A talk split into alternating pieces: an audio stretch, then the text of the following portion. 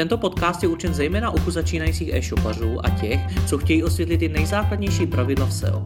Pozval jsem si Marka Valdera a společně s ním hledal, jaké chyby dělají e-shopaři v SEO nejčastěji.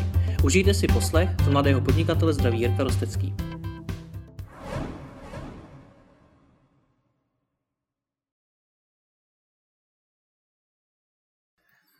Marku, já když jsem byl na tvém školení SEO, tak jsem tam viděl spoustu e-shopařů, kteří ale neovládali úplně elementární základy SEO, což mě docela zaujalo. Eh, setkáváš se s tím často a myslíš si, že by e-shopař měl nějaký základy SEO umět?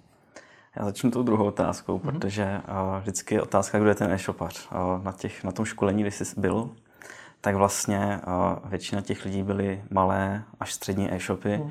nebo malé až střední podniky, což znamená, že většinou ten majitel nebo někdo z managementu je i ten, kdo šéfuje ten e-shop.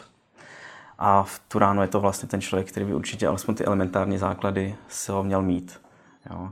Samozřejmě pokud je majitel e-shopu jo, někdo, kdo má firmu o 60 a více lidech a má pak nějakou sekci lidí, která se stará o e-shop, tak asi ty základy SEO jsou, můžou být opravdu ukradené. Hmm. Takže pokud jsem malý e-shop, dělám si to sám, tak, eh, nebo s pár, s pár kolegy, tak bych to SEO měl ovládat. Přesně tak. Takže to je otázka na tu druhou, ta, odpověď na tu druhou otázku. A ta první, jestli je to běžné, tak bohužel je. Já se s tím prostě setkávám eh, často, protože vlastně to SEO a vůbec online marketing dělám a ty, právě tenhle typ lidí mě samozřejmě oslovuje. A, a je to, je to každopádně škoda, protože to SEO, řekněme, no, hlavně při vzniku toho e-shopu, tak jsme nějaké základní povědomí o tom SEO je důležité, protože ty základy SEA, ačkoliv to slovo nemám moc rád, tak se bohužel, bohužel ovlivňují pak celý ten e-shop. SEO je hrozně provázáno s ostatními propagačními kanály vůbec se strukturou toho e-shopu souvisí a tak dál. Takže pokud už od začátku ten člověk do toho jde s jakousi odvahou toho, že vlastně si udělá e-shop a pak bude teprve řešit nějaké SEO, tak to pak dopadá bohužel kdy ne moc dobře. Nicméně existuje právě i opačný extrém, kdy už na tom školení jsou lidé, kteří o SEO hodně slyšeli, hodně se tomu věnovali, ale mají zase ten problém, že stejně nevidí nikde výsledky. Mm-hmm. Co by teda ten e-shopař všechno měl znát? No, pokud bychom se bavili jenom o tom SEO, hmm. a, tak určitě ty nezbytné základy, které plynou už z nějakých analýz, které by si vlastně měl dělat, ale už před vznikem toho e-shopu. Součástí každého SEO je analýza klíčových slov. Ale samozřejmě ta analýza se nedělá jenom pro SEO, ta se dělá ať už pro psaní obsahu, pro PPC kampaně, nebo vůbec pro poznání zákazníka, a to je to hlavní gro, kdy, kdy se prostě ti e-shopaři bohužel věnují třeba někdy tomu SEO z těch technických aspektů, to znamená to, co by měli znát vždycky, co se týče SEA, je nějaká důležitost titulků stránek, důležitost obsahu, jak by zhruba měly alespoň vypadat ty URL adresy a řekněme ty on-page prvky na stránce. Nicméně těch zdrojů a informací kolem SEA je vlastně strašná spousta a les, kdy se třeba ten e-shopář dočte někde o nějakých klíčových slovech, o metatagu keywords a začne někde zbysile vyplňovat. Přitom je to naprosto zbytečné, strávit tím spoustu času a pak se nedej bože na, na školení dozví, že to vlastně vyplňoval zbytečně. Takže jsou důležité prvky, ale jsou pořád i prvky, které bohužel důležité nejsou a setkám se s tím, že ti e-shopaři se právě věnují tady těmhle věcem, namísto toho, toho aby se věnovali a vlastně tomu počátku, to znamená analýze klíčových slov, poznat to, jakým jazykem vlastně mluví jejich zákazníci, co v tom jejich oboru je to hledané, podle jakých parametrů hledají ty jejich výrobky a podobně. A to bohužel nedělají. Kdyby udělali tohle, tak se třeba pak na to se dívají trošku, trošku jinak. A dívají se na to třeba víc možná z pohledu zákazníka a neřeší to, že si vymyslí nějaké své oblíbené slovo z daného oboru a snaží se na něho prostě být první a chytají se prostě těch špatných míst. Čím by teda ten e-shopař měl začít v tu chvíli? Zmiňovali jsme teda analýzu klíčových slov. Je teda podle tebe analýza klíčových slov ten první krok? No, tak úplně první krok by mělo být asi nějaká analýza vnitřního a vnějšího hmm. prostředí. Říct si, co jsou moje výhody, co jsou moje slabé stránky, podívat se na konkurenci. V důsledku by ta analýza měla být natolik hluboká, že už by měly vznikat i nějaké hypotézy, persony, nějaký uživatelský výzkum té mé cílové skupiny. Ale tohle je, řekněme, takový ten náročný proces, který si asi ne každý e-shopař může jakoby dovolit, nebo řekněme, když se bavím o těch malých podnicích, a, tak tam říkám, že to nezbytný minimum je právě ta analýza klíčových slov. Od ní se odpíchnout, a udělat si pak třeba nějakou myšlenkou mapu z té analýzy klíčových slov, třeba jak, jakou by strukturu měl mít můj e-shop. A pak řešit, že pokud už mám pro každé to klíčové slovo vhodnou landing page nebo tu vstupní stránku, tak pak vyřešit to samotné SEO v té podobě, jakože z data stránka má všechny ty náležité prvky, což je ten titulek, obsah, URL, adresa a tak dále. Takže z toho, co říkáš, v podstatě vyplývá, že tu analýzu těch klíčových slov by se ten e-shopař měl udělat ještě předtím, než vůbec ten e-shop spustí. 100%. Což je samozřejmě věc, kterou spousta e-shopařů neudělá. Neudělá. I kdyby si udělali no, ne pro SEO, hmm. ale jen tak. Myslím si, že by řadu e-shopařů hrozně, nebo ne, že by, ono to tak bývá i na těch školeních, kdy oni tam naťukají do nějakého nástroje pro návrh klíčových slov na nějaké zvolené klíčové slovo, pak jsou překvapení, co za výrazy je v tom jejich odvětví vlastně hledané. Že oni, let, když žijou v nějaké oborové slepotě, jako asi každý z nás, a najednou poznají ten svět toho zákazníka, poznají, že vlastně zákazník to jejich zboží a produkty nazývá třeba trošku jinak, nebo je hledá podle úplně jiných parametrů, že řeší vlastně úplně jiné problémy, než které jim nabízí na tom e-shopu. Takže pak najednou z toho vznikají právě ty největší problémy, což je třeba ta nevhodná struktura. Mm-hmm. S jakými dalšími zásadními problémy se u těch klientů setkáváš? Tak ten nejzásadnější je vždycky ta nevhodná struktura. Hmm. Pokud už se e-shop rozběhne s tou nevhodnou strukturou, a ať už produktovou strukturou nebo obsahovou obecně, to znamená, že tam chybí ty informace, které zákazník potřebuje, ať už jsou ty základní informace o dopravách, platbách a podobně, a, tak na tu strukturu většinou ten zákazník pak do, do, dochází postupně třeba sám, že ji má chybně, nejenom z pohledu se, ono to totiž pak ovlivní třeba i nemožnost správně cílit své kampaně, protože zjistí, že mu tam pro zvolenou kampaň chybí cílovat, stránka mm-hmm. vstupní.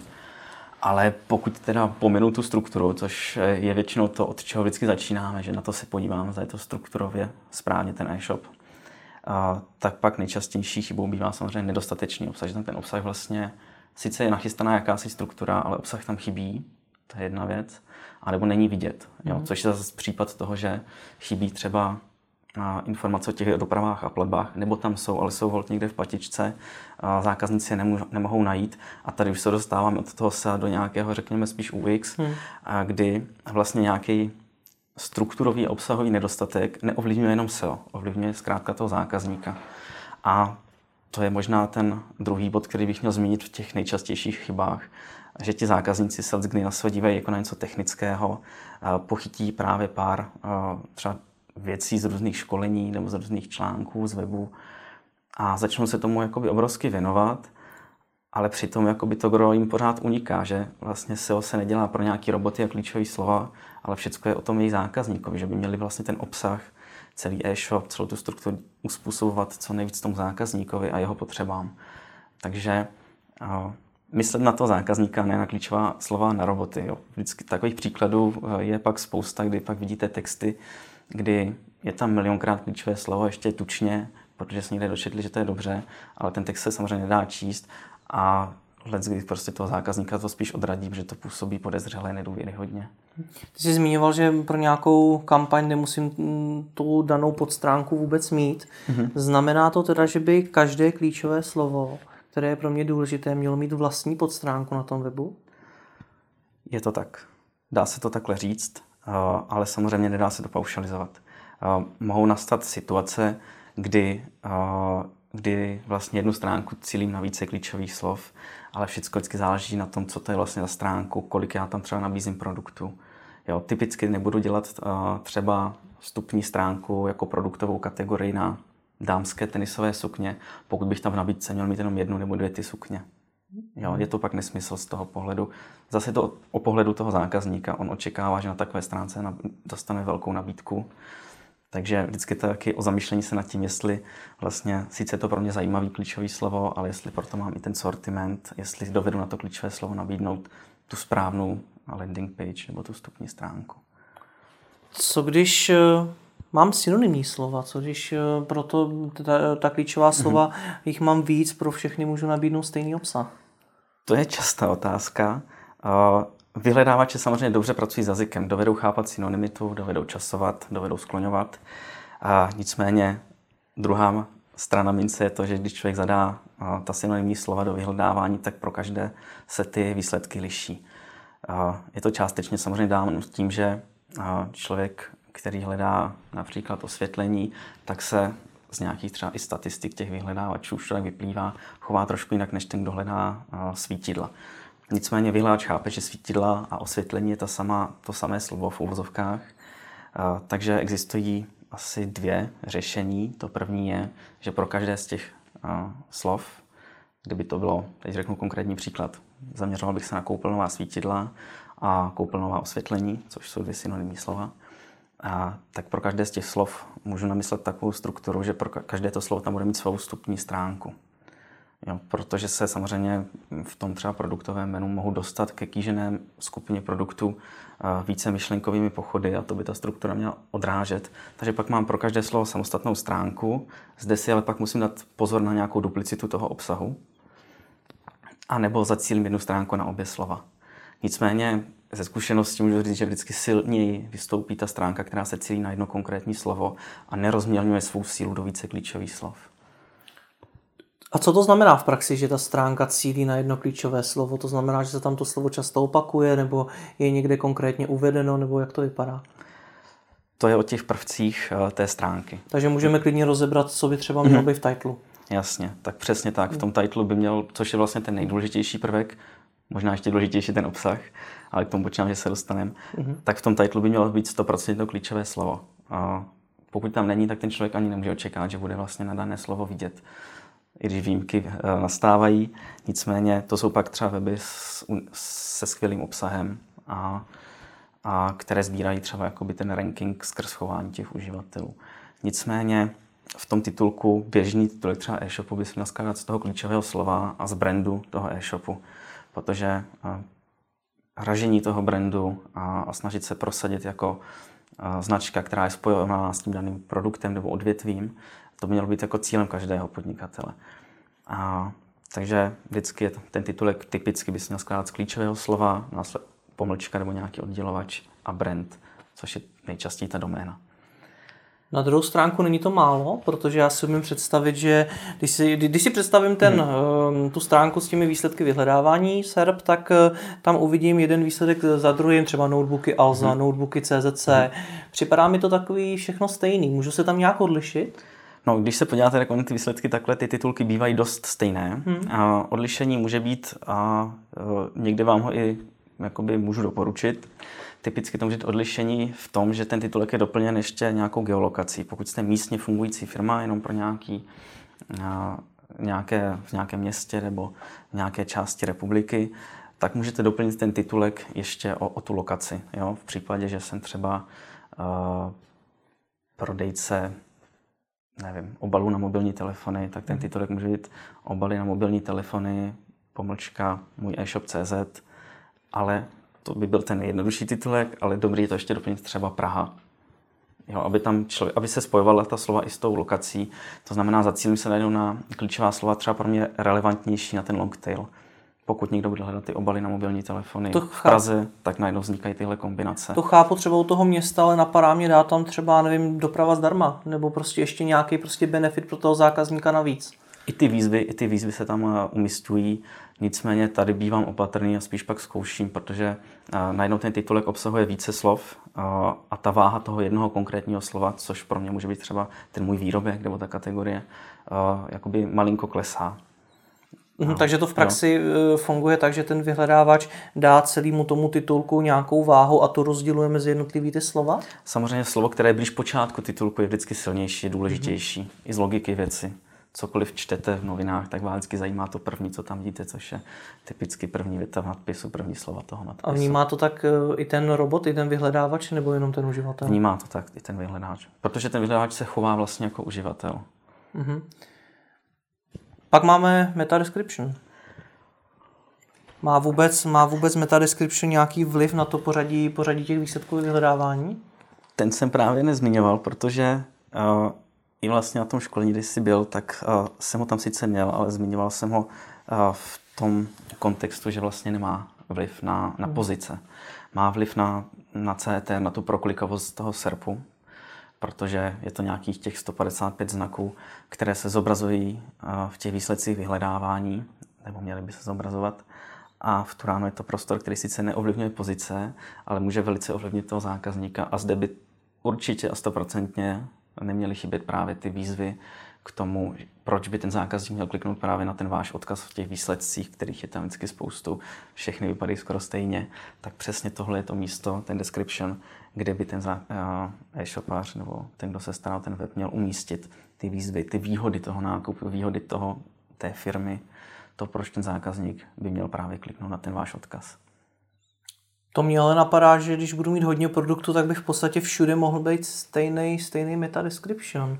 Protože ty výhody mm-hmm. jsou mhm. že stejný pravděpodobně pro všechny produkty. Prakticky se tak dělá, samozřejmě v tom meta descriptionu by, to jsem nezmínil, nemělo chybět i to klíčové slovo, což je typický název produktu. A pak nějaký ten dovětek u nás dnes za skvělé ceny, skladem, doprava zdarma a tak dál. Uh, takže ten titulek nebo ten description takhle je skoro po každé stejný, ale liší se vždycky názvem toho produktu nebo té kategorie. To je taková jakoby běžná praxe. Hmm.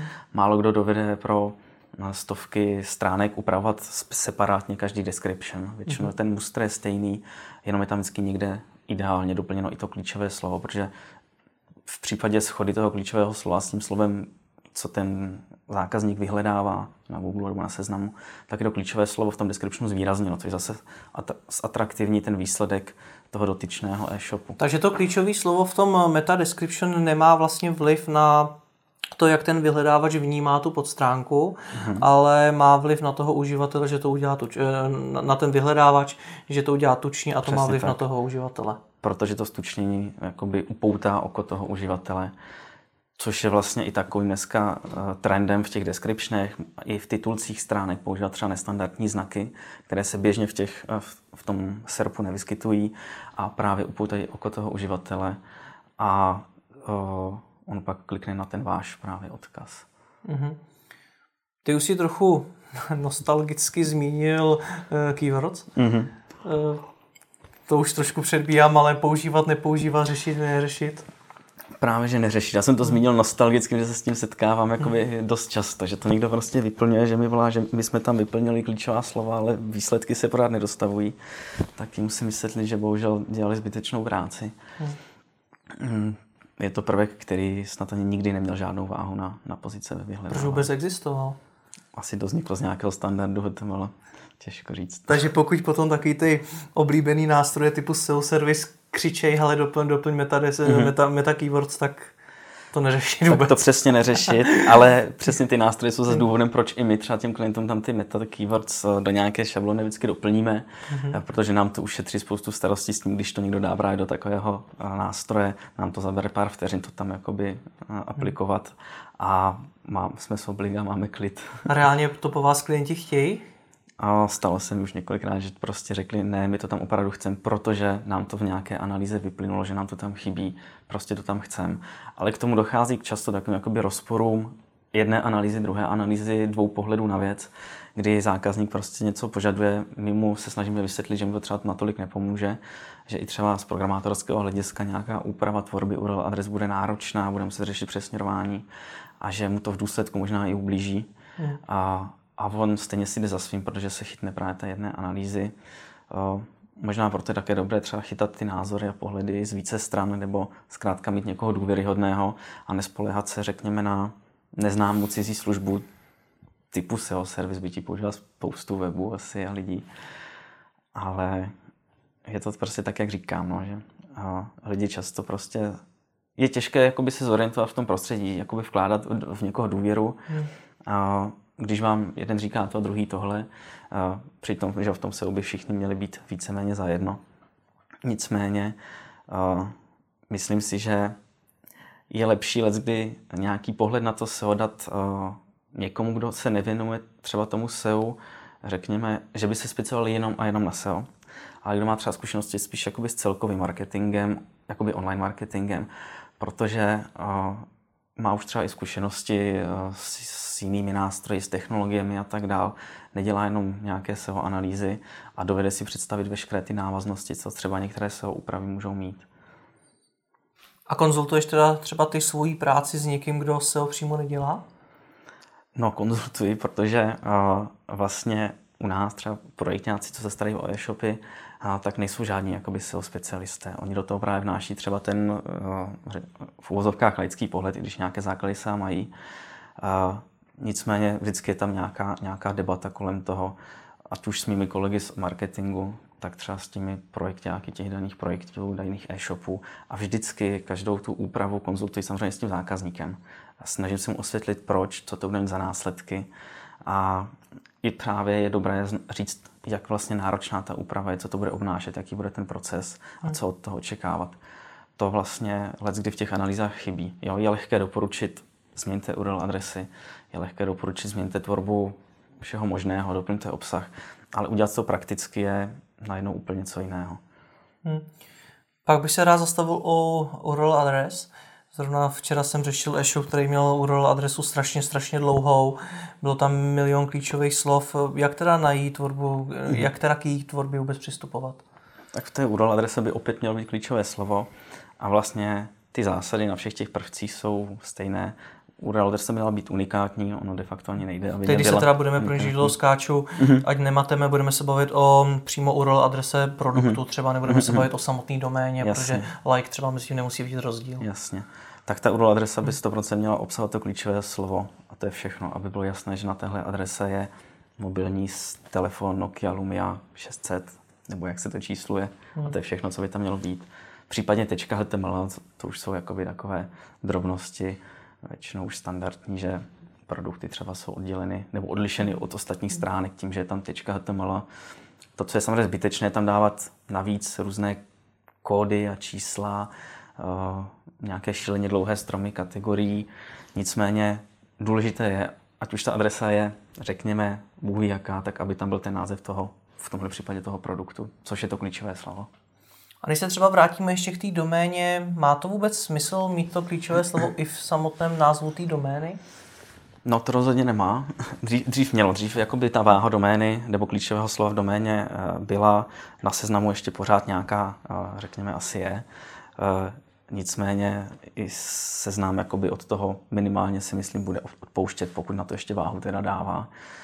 protože samozřejmě mít doménu ve tvaru prodej květin Praha.eu ještě do toho někde nasázet pomlčky, tak je to těžké. Vždycky si u té domény musíte představit, že tu doménu někde třeba publikujete v nějaké reklamě v rádiu a když mu tam řeknete firmní karikatury Praha, ještě firmní pomlčka, karikatury pomlčka praha.eu, tak si to nikdo nezapamatuje. Takže ta doména by měla být tím vaším brandem. Měla by to být jasně zapamatovatelná značka. A co .cz, .eu, .com, podle čeho mám vybrat? A to taky se dá říct, že nemá váhu. Nicméně ta váha je tady zase z pohledu uživatele. Uh, uživatelé jsou zvyklí na u českých e-shopů, lokálních e-shopů, na .cz. Uh, každý národ má asi nějaké nacionální cítění vůči těm doménám, že jsou zvyklí na .sk.cz, ale bohužel třeba k těm doménám .eu dochází právě chvíli, kdy se ten člověk zaměří právě na klíčové slovo. Hmm. Chce mermomocí, manžetové knoflíčky, není žádná jiná volná než .eu, tak si vezme .eu a je to taková, řekněme, pro nás jakoby z pohledu marketingu nešťastná doména. Hmm. Je těžké si spojit pak klíčové slovo a udělat z něho jakoby brand, tu značku. Ale nelze říct, že by třeba eh, český Google mi předhazoval právě výsledky primárně, které jsou .cz a dával to do ne. pozadí další. To ne. Pojďme dál, co, co nadpisy H1, H2, existuje miliarda návadů, mm-hmm. jak by měly jít za sebou, mm-hmm. kdy by měly být. Mm-hmm. Pak existují i diskuze, zda H1 na webu může být víckrát než jednou, mm-hmm. jestli vůbec tam musí být. Jasně. Jak se na to díváš ty? Je na to spousta případových studií myslím si, že jsem na před rokem nebo před půl rokem, a už nevím, kdo ji vydal, nějaký Čech, ukázal, že tady ta struktura nadpisů a toho obsahu, ale hlavně těch nadpisů, má velký vliv hlavně u seznamu. U Google už tak ne. Já, co se týče obsahu, tak vždycky říkám, že tam ten nadpis H1 by měl být. Ono to vyplývá zase už z nějakého standardu toho HTML. že ten nadpis je vlastně nadpisem, že mají nějaké pořadí. Já vždycky i to chování těch robotů přirovnávám chování jakoby slepých uživatelů. Protože, na to myslím, dnesky to tam ukazoval. Protože ono je to tak, že já jsem vlastně pracoval eh, jednu dobu pro společnost, která dělá software pro slabozraké uh-huh. a, mhm. a zrakově postižené. A tam jsem to právě slyšel, jak jim vlastně ten odečítač té obrazovky čte tu stránku a čte jim právě hlavní nadpis, teďka ho přečte a vlastně stejně se chová i ten robot. Takže za mě by tam určitě měl být nadpis H1, ale pak by tam měl být samozřejmě i další obsah a ten už by měl být pro uživatele. A samozřejmě pokud mám najednou rozsáhlý článek, tak ten by měl být nějak strukturovaný, oddělený pod nadpisy, oddělený do odstavců. Měl by tam být v případě výčtu nějakých věcí, tam by měly být použity odrážky. Rozhodně by to neměl být jednolitý text, který používá spoustu barev, spoustu různých fontů, což jsou právě věci, se kterými se setkáváme. Jo, takže, takže tak, no, ten obsah je důležitý, ale abych se jakoby do hloubky věnoval, že pod nadpisem H1 je nadpis H2, pod ním použiju ještě nadpis H3 a kde všude ještě naflákám klíčové slovo, to si myslím, že není šťastný pohled na ten obsah a na tu strukturu toho obsahu. A co by teda ta H1 teda měla obsahovat? Když si vezmu asi produktovou mm-hmm. stránku na e-shopu, co by teda v H1 mělo být? Opět to klíčové slovo, což v produktové stránce je název produktu. Jo, pak by tím nadpisem H1 a má, když se stává, že to tak není, tak je, tak je ten název toho produktu. Co potom ten obsah? Tam má být, jak si sám, sám mm-hmm. předtím zmínil, hustota klíčových slov, je tam schválně hodně a všechny tyhle ty věci. Ne, ne, ne, to já netvrdím. Já tvrdím, že ten obsah má být právě pro uživatele. Že, že jste, mm. ten, ne, ne, nemyslel jsem, že to tvrdíš, ale že jsi se s tím taky setkal. No je to tak. Mm. Samozřejmě existuje i jakýsi technický pohled na SEO, který může být natolik náročný, kdy se opravdu řeší to, aby všechna slova, slova související a různě spjatá byla v různých tvarech a a v různém časování, jakoby v tom textu, ale pořád je tam vždycky a musí být důraz na přirozenost toho textu. Je hloupost psat opravdu ten text jenom pro roboty, naflákat tam co nejvíckrát klíčového slovo, nedej bože ho ještě dát po každý tučně, po každý v prvním pádě tohle není text, který bude číst uživatel a rozhodně už to dneska ani není text, který by uchvátil ty vyhledávače. To jsem se právě, protože i nám občas klienti napíšou, že by tam měla být takováhle hustota klíčového mm-hmm. slova, desetkrát tam použijte slova jen ponožka mm-hmm. a takovéhle věci. Jak to dělat místo toho, aby teda pro ty vyhledávače ten text byl dobrý, aby ho považovali za relevantní? Mm-hmm. Vždycky si uvědomit to, že to, co je dobré pro uživatele, je dobré pro ty vyhledávače. Ten dobrý text, dobrý obsah vám hrozně pomůže i v těch ostatních aspektech SEA, což je většinou ten jakoby hm, druhá stránka, nebo to dno toho ledovce, co je, pod, co je pod tou hladinou, což je pak ten link building. Kolikrát se nám stane, že link builder, který se stará o budování zpětných odkazů, vlastně nemá na co odkazovat na tom webu. On prostě je nešťastný z toho, že tam chybí obsah. Je tam prostě popisek, který je stejný na desítkách e-shopů, na Eurece, protože všichni přijímají popisek třeba výrobku od dodavatele. Všichni mají ten sakumprásk stejný popisek, což už je nějaká duplicita a to nenatchne ani uživatele, ani vyhledávače. A co to, co to za obsah má být? Protože když, eh, když, si to, když to řekneš lajkovi, tak mm-hmm. ho první napadne popisek produktu mm-hmm. a pak ještě možná napadne blog. Jasně. Co dál? My se soustředíme hlavně z toho pohledu, že většina nebo hodně e-shopů má uh, popisky produktů přejímané od dodavatelů. Hmm. Mají tam tisíce produktů a rozhodně nemají prostě desítky nebo stovky copywriterů, který by jim ty popisky psali vlastní. A tak jim říkáme, ať se soustředí na popisky kategorií, a, protože tam se můžou rozhodně odlišit. A pak samozřejmě obs, ne popisky, ale obecně, aby budovali obsah toho webu, toho formátu typu různé rady, typy, jak si něco vybrat, srovnání nějakých výrobků a tak dál. Protože tohle je typický obsah, který těm uživatelům chybí. Oni neví, jak si vybrat autorádio, neví, co je důležité při výběru matrace, kromě její velikosti. A tohle jsou typicky ty články, které les kdy přinesou mnohem víc třeba těch zpětných odkazů a kolikrát uchvátí toho uživatele mnohem víc, než to, že se dočetl ten samý popisek produktu, který viděl na dalších pěti e-shopech. Co takový to stučňování těch klíčových slov v tom textu, to má ještě smysl nebo vůbec? Tak zase se můžou objevit zlí jazykové, kteří tvrdí, že ano. A ono možná trošku ano. Ale stejně zase na to si podívat z pohledu toho čtenáře. Text, kde zvýrazníte jenom to klíčové slova, bude nečitelný. My právě zvýrazňujeme spíš to, co je gro toho textu. Pokud ten výrobek má nějaké specifické vlastnosti, tak ty by se měly stučnit. Pokud ten výrobek pod potřebuje třeba nějakou speciální péči, tak to jsou zase informace, které by se měly stučnit.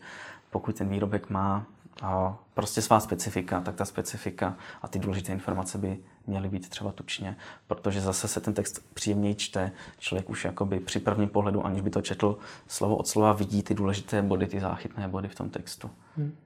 My se celou dobu bavíme o tom on-page SEO. Hmm. Napadá, napadají ti ještě nějaké další chyby, kterých se šopaři často dopouští? No, kdybych se zamyslel, tak mi napadne asi, asi hodně těch chyb. Eh, bývá to třeba ten duplicitní obsah, eh, který u těch produktů nějak už chápeme, věnuje se spíš třeba těm kategoriím, ale pak nedej bože zjistíme, že ten dotyčný třeba v té snaze doplnit všude ty popisky kategorií nebo doplnit někde krásný článek o tom, jak si vybrat cokoliv, tak ten text skopíruje, což je zase jakoby špatně samozřejmě. Uh, jo, v tuhle ráno my samozřejmě chápeme, že ne každý má ty schopnosti toho profesionálního copywritera, nemá třeba ani dostatek času a financí si toho copywritera platit nebo ho nějak řídit a podobně.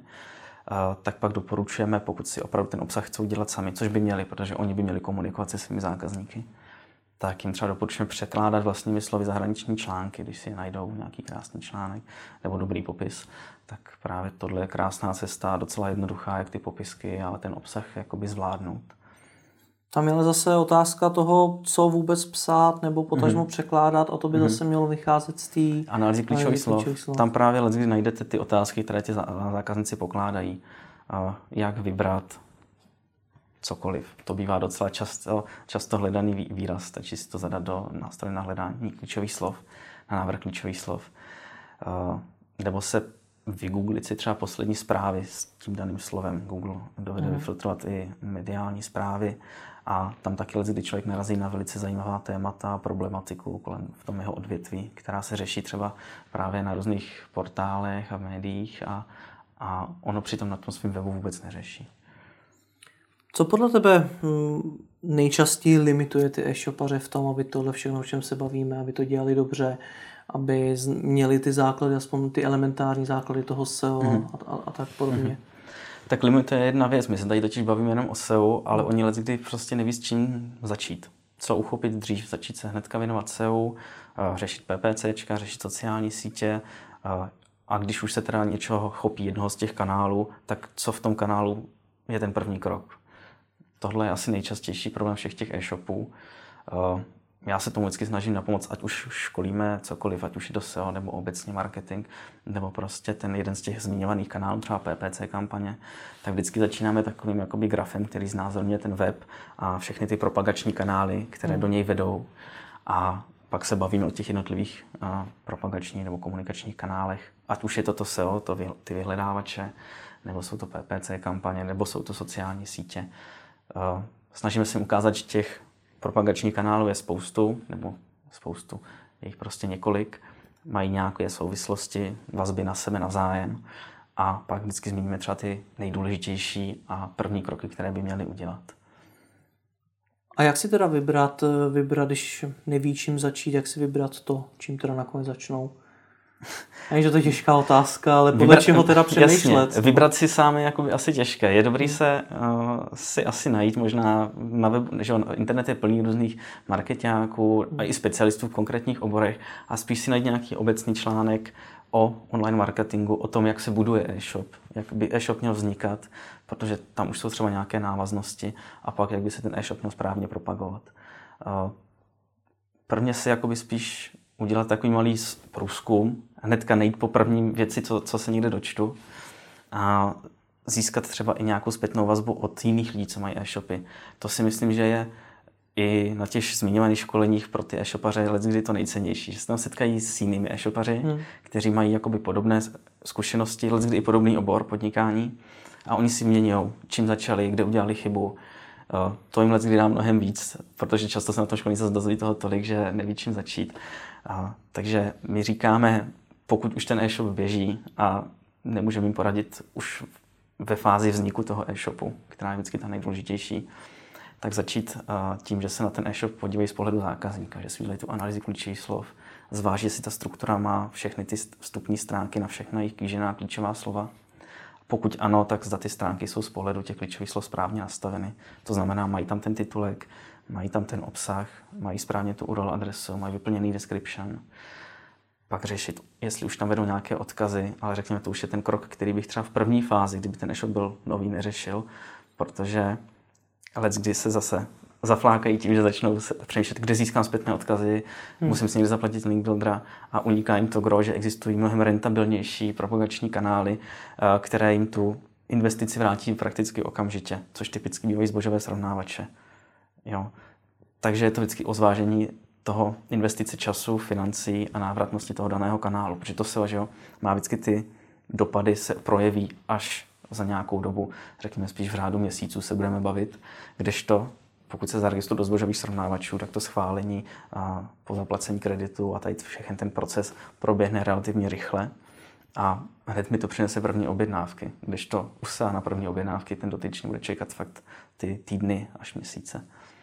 Tak jo, tak já ti děkuji za rekapitulaci, za úvod Není zač. Já děkuji tobě za pozvání.